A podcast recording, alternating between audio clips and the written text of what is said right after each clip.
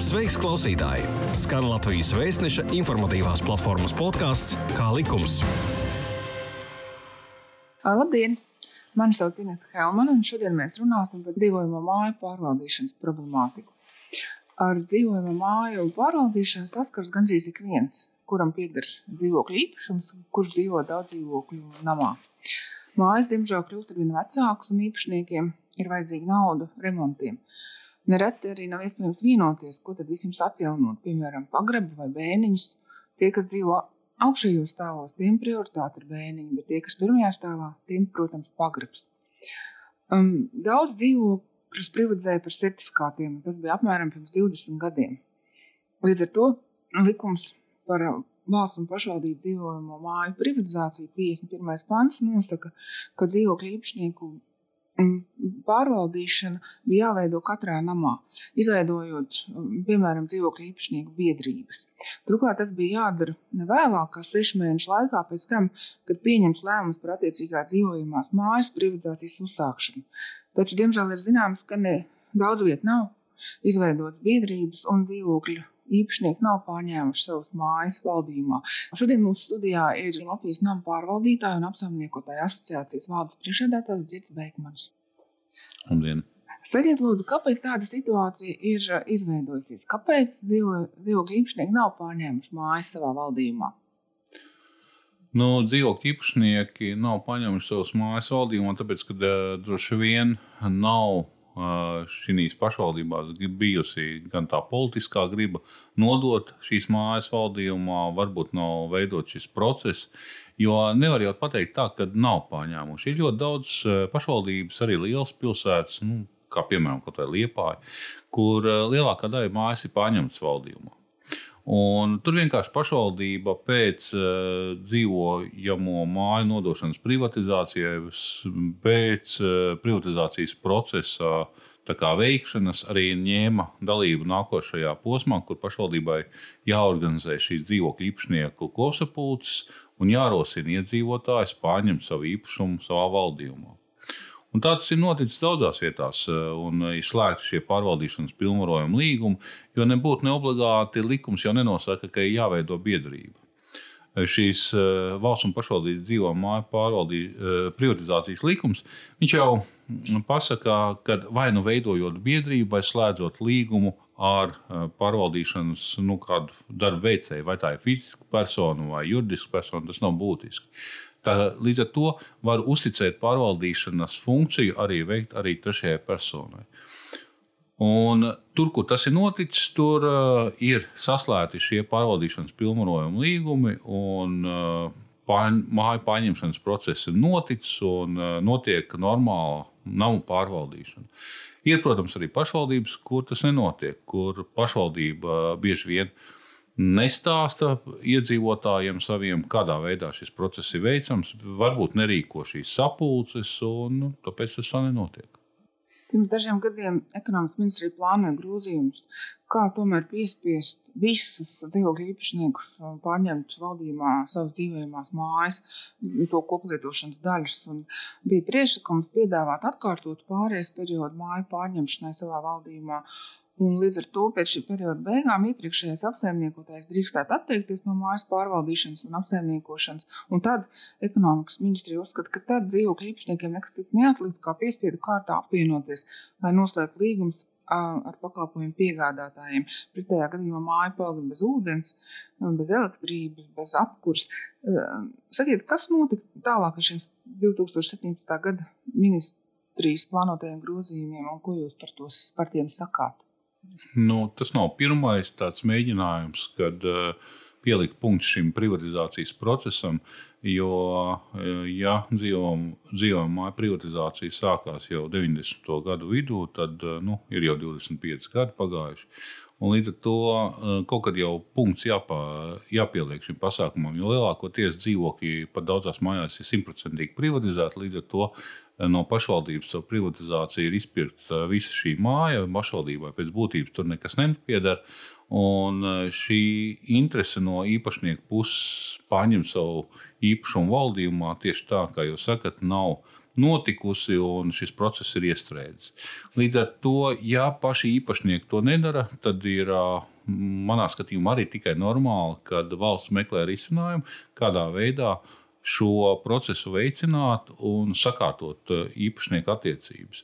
Jo katram īpašniekam par savu īpašumu gal galā ir jāatbild nevis nu, atbild kāds cits par viņa īpašumu. Un līdzīgs process ir noticis arī citās valstīs, un ir bijuši šādi pārejas periodi.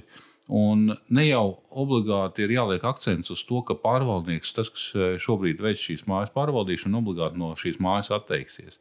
Varbūt arī neatteiksies, bet katrā ziņā manā skatījumā tas būtu varbūt salīdzināms drīzāk ar kaut vai šo elektrības tirgu, kam mēs visi esam gājuši cauri, ka, ja mēs neievē, neizvēlamies kaut kādu tarifu plānu, tad mēs nonākam kaut kādā noklusētā režīmā, kas varbūt nebūtu tā, nav tas izdevīgākais.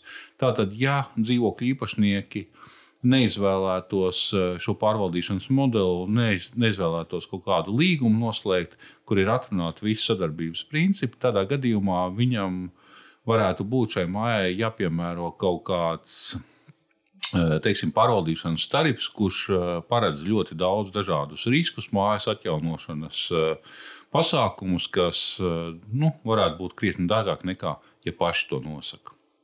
Jā, bet jūs prāt, nu būtu jāpanāk, ka visi dzīvokļu īpašnieki pārņemtu savas mājas valdījumā. Būtu jārod risinājums politiskam, ap, nu, politiskā jomā. Nu, viennozīmīgi, jo nu, man vienkārši ir grūti iedomāties vēl kaut kur kaut kādu situāciju, kad īpašnieks neatbild par savu īpašumu, vai tās vienalga, kas tā pa mantu būtu, vai lietu, vai kas. Bet eh, šeit dzīvokli pēkšņi man ir īpašumā dzīvoklis, bet es īstenībā viņu nu, nepārvaldu. Un tas nav normāli. Katram īpašniekam savu lietu ir jāatbild. Un daudz dzīvokļu mājā mēs, protams, tas nav viena cilvēka īpašums vai vienas mājsaimniecības. Mēs esam daudz dzīvokļu, daudz kaimiņu, bet tik un tā tā māja kopumā pieder mums, nevis pašvaldībai, nevis valstī, nevis kaimiņu mājas iedzīvotājiem, bet mūsu mājas iedzīvotājiem. Mums, kā īpašniekiem, arī par to būtu jālemj. Nu, tagad, kāpēc dzīvokļu īpašnieki nevēlas pārņemt mājas savā valdībā? Kas tam ir par iemeslu? Es domāju, ka tas ir kaut kur daļēji. Jau ja sākumā minējāt, šīs politiskā griba nav bijusi pietiekama atsevišķā pašvaldībā, lai veicinātu šo procesu. Nav skaidrots, un ja neviens īpaši neskaidro un pa lielam pārvaldīšana notiek, Un no vienas puses, sanāk tāda duāla situācija, ka it kā es esmu īpašnieks, bet tajā pašā laikā es neesmu pārņēmis. It kā varbūt es neesmu pilnībā atbildīgs par to, kas mājā notiek. Varbūt es vēl varu izdomāt, ka es varu aiziet uz pašvaldību un paprasīt, es neesmu pārņēmis, varbūt jūs kaut ko salabosiet. Un eh, šīs viss tāda varbūtējo jautājumu kopums un eh, neskaidra interpretācija par šo īpašumu, viņa rada šo ilūziju, ka jā, dzīvoklis ir mans, bet māja nav mana. Un varbūt kāds cits parūpēsies par kāpņu telpu, par jumtu, par pagrabu un tā tālāk. Un, tas ir ļoti daudziem cilvēkiem. Viņi jau arī ikdienā tā saka, nē, dzīvoklis ir mans, bet nu, kāpņu telpa nav mana. Tas ir greizi, jā, protams. Un kamēr dzīvokļu īpašnieki nav pārņēmuši māju savā valdībā, māja oficiāli pieder pašvaldībai vai valstī. Ja tā es saprotu. Nē, viņa nepieder sen jau. Jo caur privatizācijas procesu mēs nopērkam domājamo daļu no visas mājas, un rezultātā mēs esam, ja visi dzīvokļi privatizēti, visu māju no pašvaldības nopirkuši. Vienkārši viņa līdz ar to ir mums visu īpašums, viņa pieder mums. Vienkārši nav mantas nodošanas akts noticis, ja, kurš īstenībā ir formāls, jo viņš nav pat ne ar kādām papildus saistībām. Nav nekādas pašvaldībai obligāti pirms nodošanas jāveic kosmētiskais remonts vai kaut kas tamlīdzīgs. Mēs esam nopirkuši to preci tādu, kā viņi tajā brīdī bija, un mēs esam to piekrituši. Pie. Līdz ar to šī, brīdī tā ir formalitāte neizpildīta, bet atbildība, protams, ir tiem, kas ir īpašnieks, tātad mums pašiem. Un, ja māja nav nodota dzīvokļu īpašnieku valdījumā, kas tad par viņu rūpējas, kas gādā par koplietošanas telpām? Šobrīd ir tā, ja dzīvokļu īpašnieki neiesaistās mājas pārvaldīšanā, tad uh, likumdevējs ir paredzējis šo pārejas periodu ilgušo jau vairāk kā 20 gadus, ja, kad uh, pārvaldīšanu līdz mājas pārņemšanai organizē pašvaldība. Tātad pašvaldības bieži vien uztur savus kapitāla sabiedrības, dod rīkojumu veikt nepieciešamās darbības, organizēt tur tikšanās ar īpašniekiem, lemt par darbu veikšanu, iepirkumus nu, un tā tālāk. Kā likums? Kā likums? Jā, tu klausies Latvijas Vēstneša informatīvās platformas podkāstu Kā likums? Piemēram, nu vienā brīdī ir pagājuši 20, 25 gadi, un vienā brīdī dzīvokļu īpašnieki saka, jā, mēs gribam māju pārņemt savā valdībā. Vai to viņi var izdarīt jebkurā laikā, jebkurā brīdī? Es teikšu, jā, es teikšu, jā kad jebkurā brīdī, jebkurā momentā, lai gan jāatzīst, ka ir bijušas situācijas arī praksē, kad atsevišķās pašvaldībās pat nedaudz liek varbūt šķēršļus, jo likumdevējs ir uzrakstījis, ka pirmo sapulci redziet organizē pašvaldība. Kas īstenībā tajā brīdī bija no likumdevēja puses ļoti loģiski, kad pašvaldība veid, nododot māju privatizācijai, pēc privatizācijas arī paskaidro, kā šo māju pārņemt, inicē šo pirmo sapulci un, un paskaidro, un tad tālāk mājas pārņemšana notiek. Bet um, ir pašvaldības, kuras to nav darījušas. Un tajā brīdī, kad dzīvokļu īpašnieks sagrib pēkšņi paņemt māju pārvaldīšanā, rīko savu sapulci, tad saka, nē, likumā ir rakstīts, ka pirmā sapulce jātaisa pašvaldībai.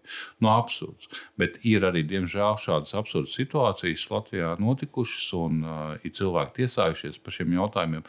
Tā kā, nu, ir arī pašvaldības, kur varbūt tā ir politiska griba, uh, lai nu, kaut kāda kontrole pār iedzīvotāju saimniecībām paliktu nu, pašvaldībai.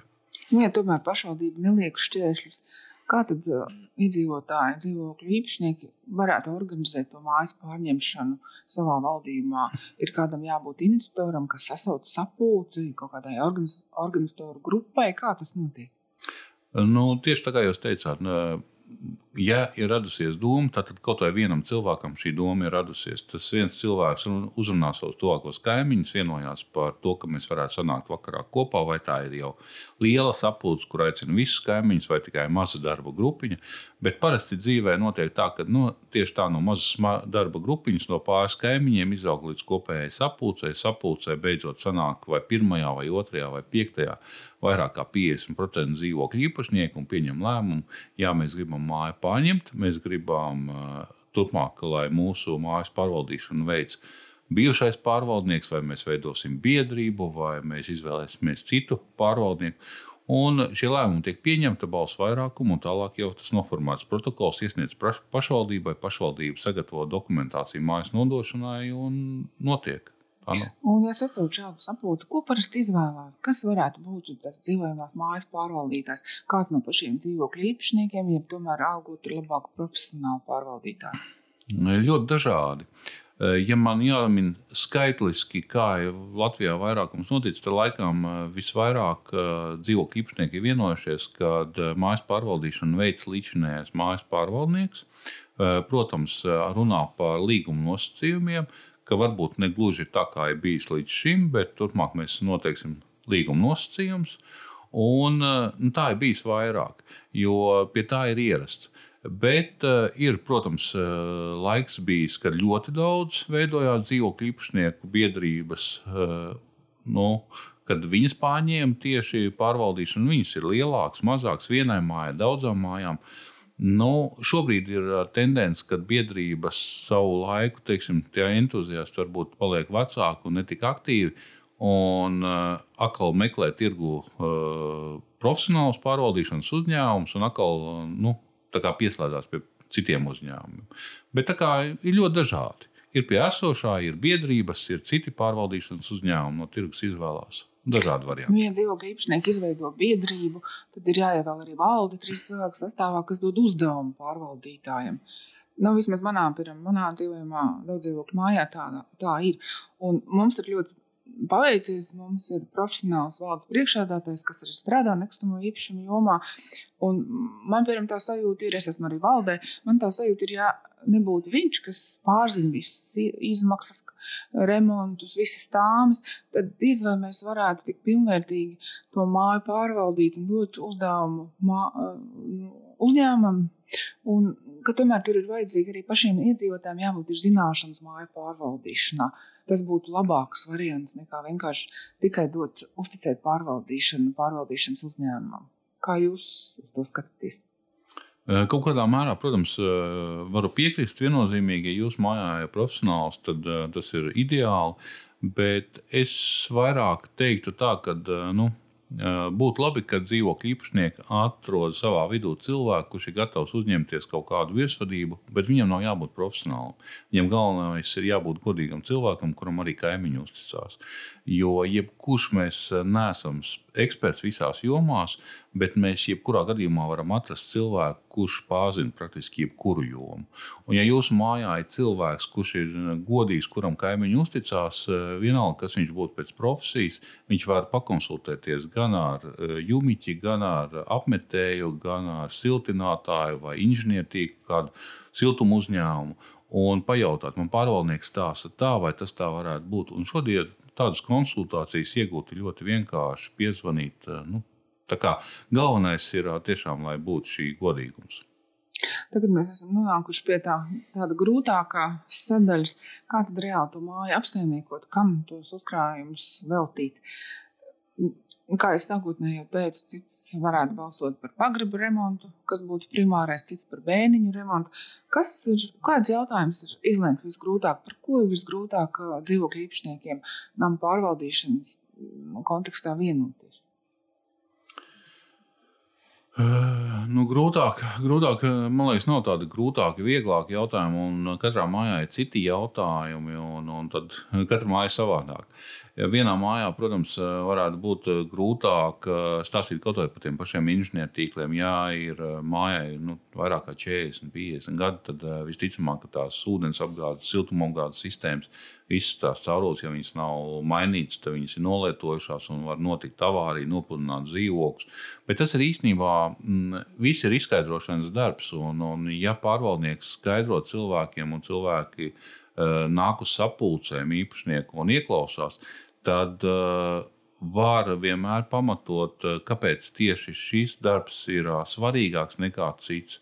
Uh, Tagad bija apkurss sezonas uzsākšana. Atkal radās diskusijas par to, kad kaimiņi nav samaksājuši, un tagad mums ir varbūt kaut kas jāsamaksā, lai mums vispār pieslēgtu siltumu. Uh, tas varbūt tiešām būs tādai mājai aktuāli, kur ir eh, stājies spēkā kaut kāds eh, smags gadījums, tiesas spriedums un parāds nav piedzināms. Mēs saprotam, ka viss ir izdarīts un viss ir kārtībā, bet nu, vienkārši šobrīd to naudu nevar tiesas izpildītājs strādā.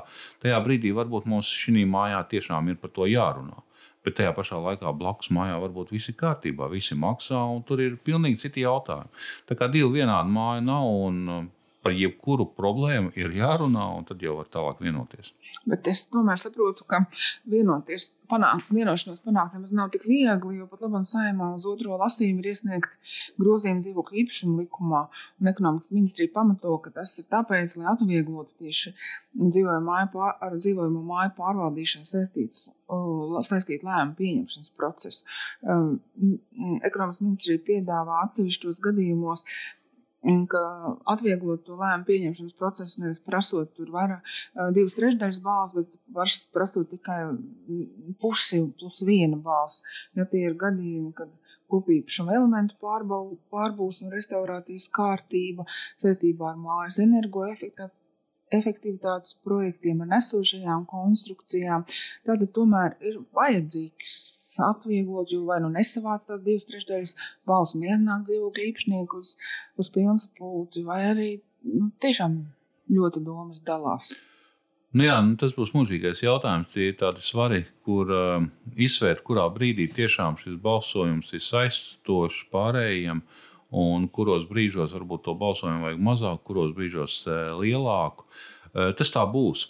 Eh, šeit ir tas mēģinājums saprast, ja mums ir vairāk kā 50%, tad nu, tas ir tomēr vairākums mājā. Demokrātiski pateikuši, mēs to gribam, tad mazākumam ir jāpakļaujas. Par to es stāstu. Bet vienmēr būs šis, šai monētai arī tā otra puse. Jūs tur minējāt, viens no tiem priekšlikumiem ir saistīts tieši ar cilvēkiem, kuriem ir kustību traucējumi. Ja, viņiem pacēlājas ierīkot un, un, un, un pārbūves un invalīdu stāvvietas un tādas lietas.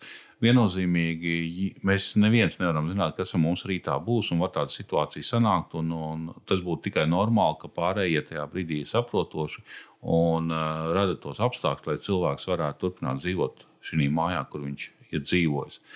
Bet ir otra puse, kad uh, ja mēs kādam kaut ko dodam, tad bieži vien tas saistīts ar to, ka mēs kādam kaut ko noņemam.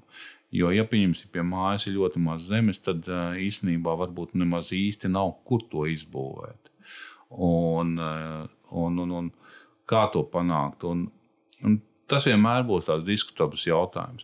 Kaut vai varam salīdzināt to pašu energoefektivitāti, ko jūs minējāt. Protams, lai mēs uzsāktu procesu, šis balsojums no vienas puses ir vajadzīgs pēc iespējas mazāks, ātrāk iekustēsies process, viss aizies.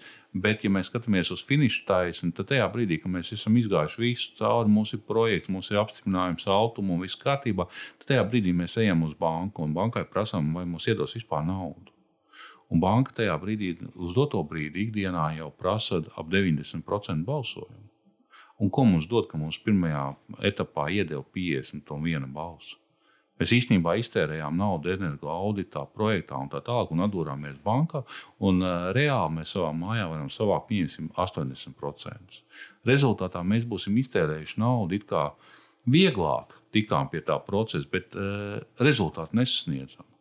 Un atkal ir tā, nu, grūti atbildēt, vai tas tā bija labi vai slikti. Nu. Vēl jau šie grozījumi nav saimā trešajā lasījumā pieņemti, vai tur kaut kas var mainīties.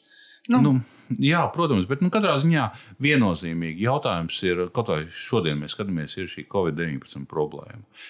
Mums jādomā, ir, kādā veidā vispār sakārtot mājokli, kādā veidā domāt par mājokli, lai vispār tie mājokļi būtu, lai viņus saglabātu. Tātad mums ir process jāveicina kustība. Tas nozīmē, ka ne tikai ar balsu skaitu, bet arī ar lēmumu pieņemšanas kārtību. Es domāju, ka jau šobrīd mums daudzos jautājumos ir šīs elektroniskie pāraksti un viss ar vien vairāk un vairāk paliek. Un, Līdz ar to arī lēmumu pieņemšana elektroniskā veidā būs jāpieņem, jādomā, kādā veidā izteikt viedokli, ja mēs nevaram pulcēties. Un tas ir jāmeklē jau šodien tādi risinājumi. Un tas viss ir saistīts likums? Kā likums?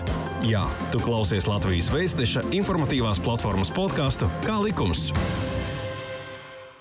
Bet arī viens no priekšlikumiem ir izskanējis, ka, lai atvieglotu dzīvokļu īpašnieku kopības lēmumu pieņemšanu, un, un, un, iz, un jā, jāiesniedz rakstveida atbildi, jo notiek lēmumu pieņemšana rakstveida formātā, aptaujas veidā, tad pat labāk skaita, ja neatbild, neiesniedz atbildi tad skaita to kā pret to lēmumu, bet kā varētu, ka dzīvokļu īpašnieks ne, nu, klusējot piekrīt, kā, līdzīgi kā tas ir civillikumā. Nevis pret, bet tātad par. Nu jā, nu tā, tas vienkārši ir manā skatījumā vairāk par jautājumu noformēšanu. Ja? Mēs jau īstenībā varam arī jautājumu noformēt tā, ka neveicot atbildi, īstenībā mēs saņemam atbildi pāri. Bet uh, tas īsti pareizi nav. Jo manā skatījumā, tomēr es sliecos to, ka, ja es neesmu saņēmis apstiprinājumu vai nu par vai pret, tad uh, pastāv bažas, ka tas cilvēks vai nu nav sapratis, vai nav saņēmis šo jautājumu. Un tā tad ieskaitīt viņa balsi par to, ka viņš ir sapratis un nobalsojis par, laikam, ritīgi pareizi, manā sajūtas nebūtu. Līdz ar to, ja mums nav apstiprinājumi, tad uh, vairāk uh, tomēr tas ir. Nu, nav pieņemts lēmums. Tā būtu savā ziņā izmānīta balss par.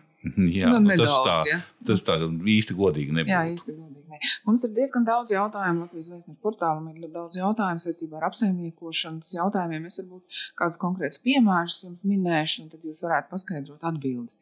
Piemēram, viens no piemēriem ir, ka māja apsaimnieko, vairāk dzīvokļu māja apsaimnieko dzīvokļu īpašnieku dibināta biedrība, un ir radusies situācija, ka viens no dzīvokļu īpašniekiem nav apmierināts ar biedrības darbu vēlas no tās izstāties. Vai viņš to var darīt jebkurā laikā?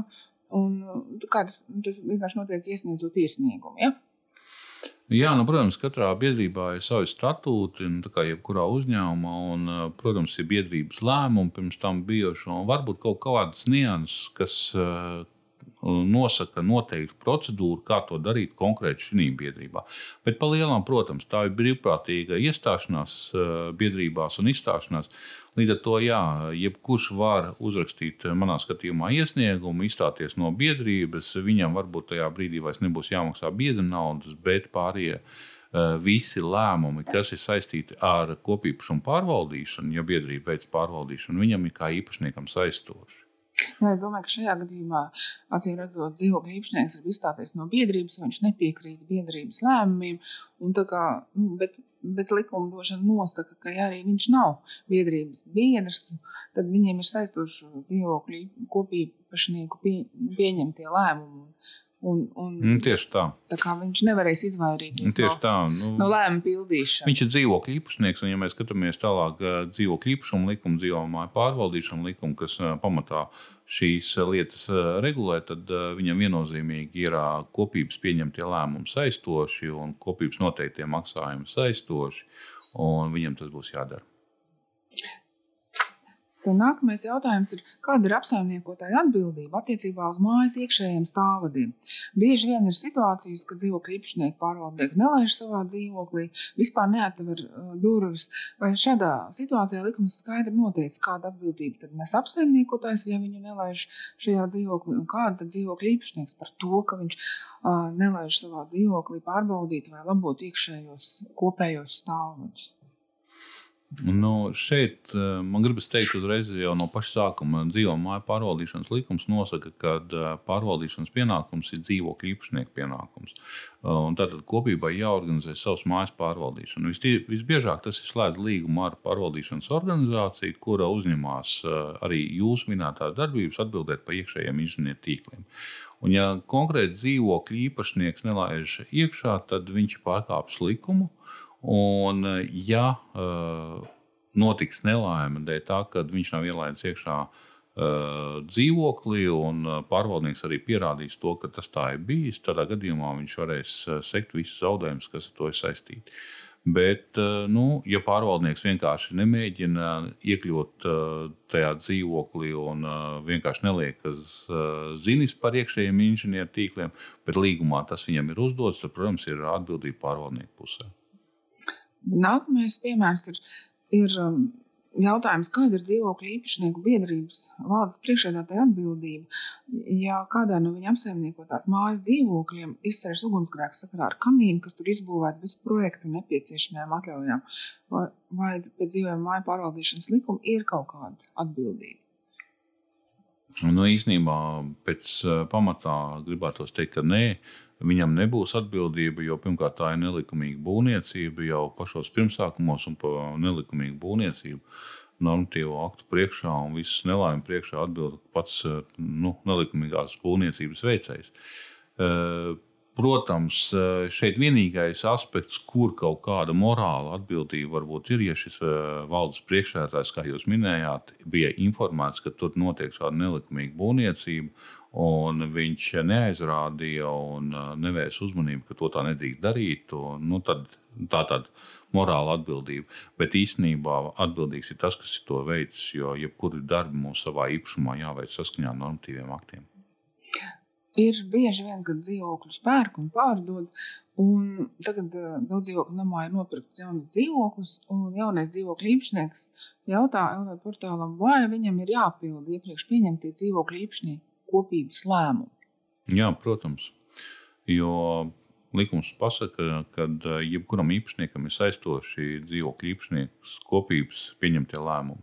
Un tas, ka viņš šobrīd iegādājies dzīvokli, viņam pašam ir pienākums ie, nu, iepazīties ar kaut ko pašu pārvaldnieku, paprasīt, kāds ir pārvaldīšanas līgums, kādi ir lēmumi, kādi ir maksājumi. Bet šeit jau jāsaka, ka, ja kaut kas tāds ir, tad tas jau ir atbildība daļēji starp pārdevēju un pircēju, jo pārdevējiem arī ir jāinformē nākamais pircējs par visu to, kas notiek viņa nākamajā īpašumā. Ir atsevišķi dzīvokļu īpašnieki, kas, piemēram, ir ļoti rūpīgi, piemēram, grāba lapas koplietošanas teritorijā, nu, tīra teritorija vai stāda puķis. Vai šādā gadījumā piemēram, var piemērot uh, mazāku apsaimniekošanas maksu šiem cilvēkiem, vai to var lemt tajā dzīvokļu īpašnieku kopsapulcē? Es nezinu, man, man gribas teikt, ka nē. Uh, varbūt kaut kur, kaut kādā momentā, kaut, no kaut kādas pārvaldīšanas daļas maksājuma varbūt var atbrīvot, bet pa lielam nē. Jo, ja mēs skatāmies no mm, tāda viedokļa, ka šis cilvēks kaut ko darot, iegūst kaut kādu labumu, tad īstenībā, ja skatīsimies no valsts ieņēmuma dienas puses, tad tas ir gūtais labums.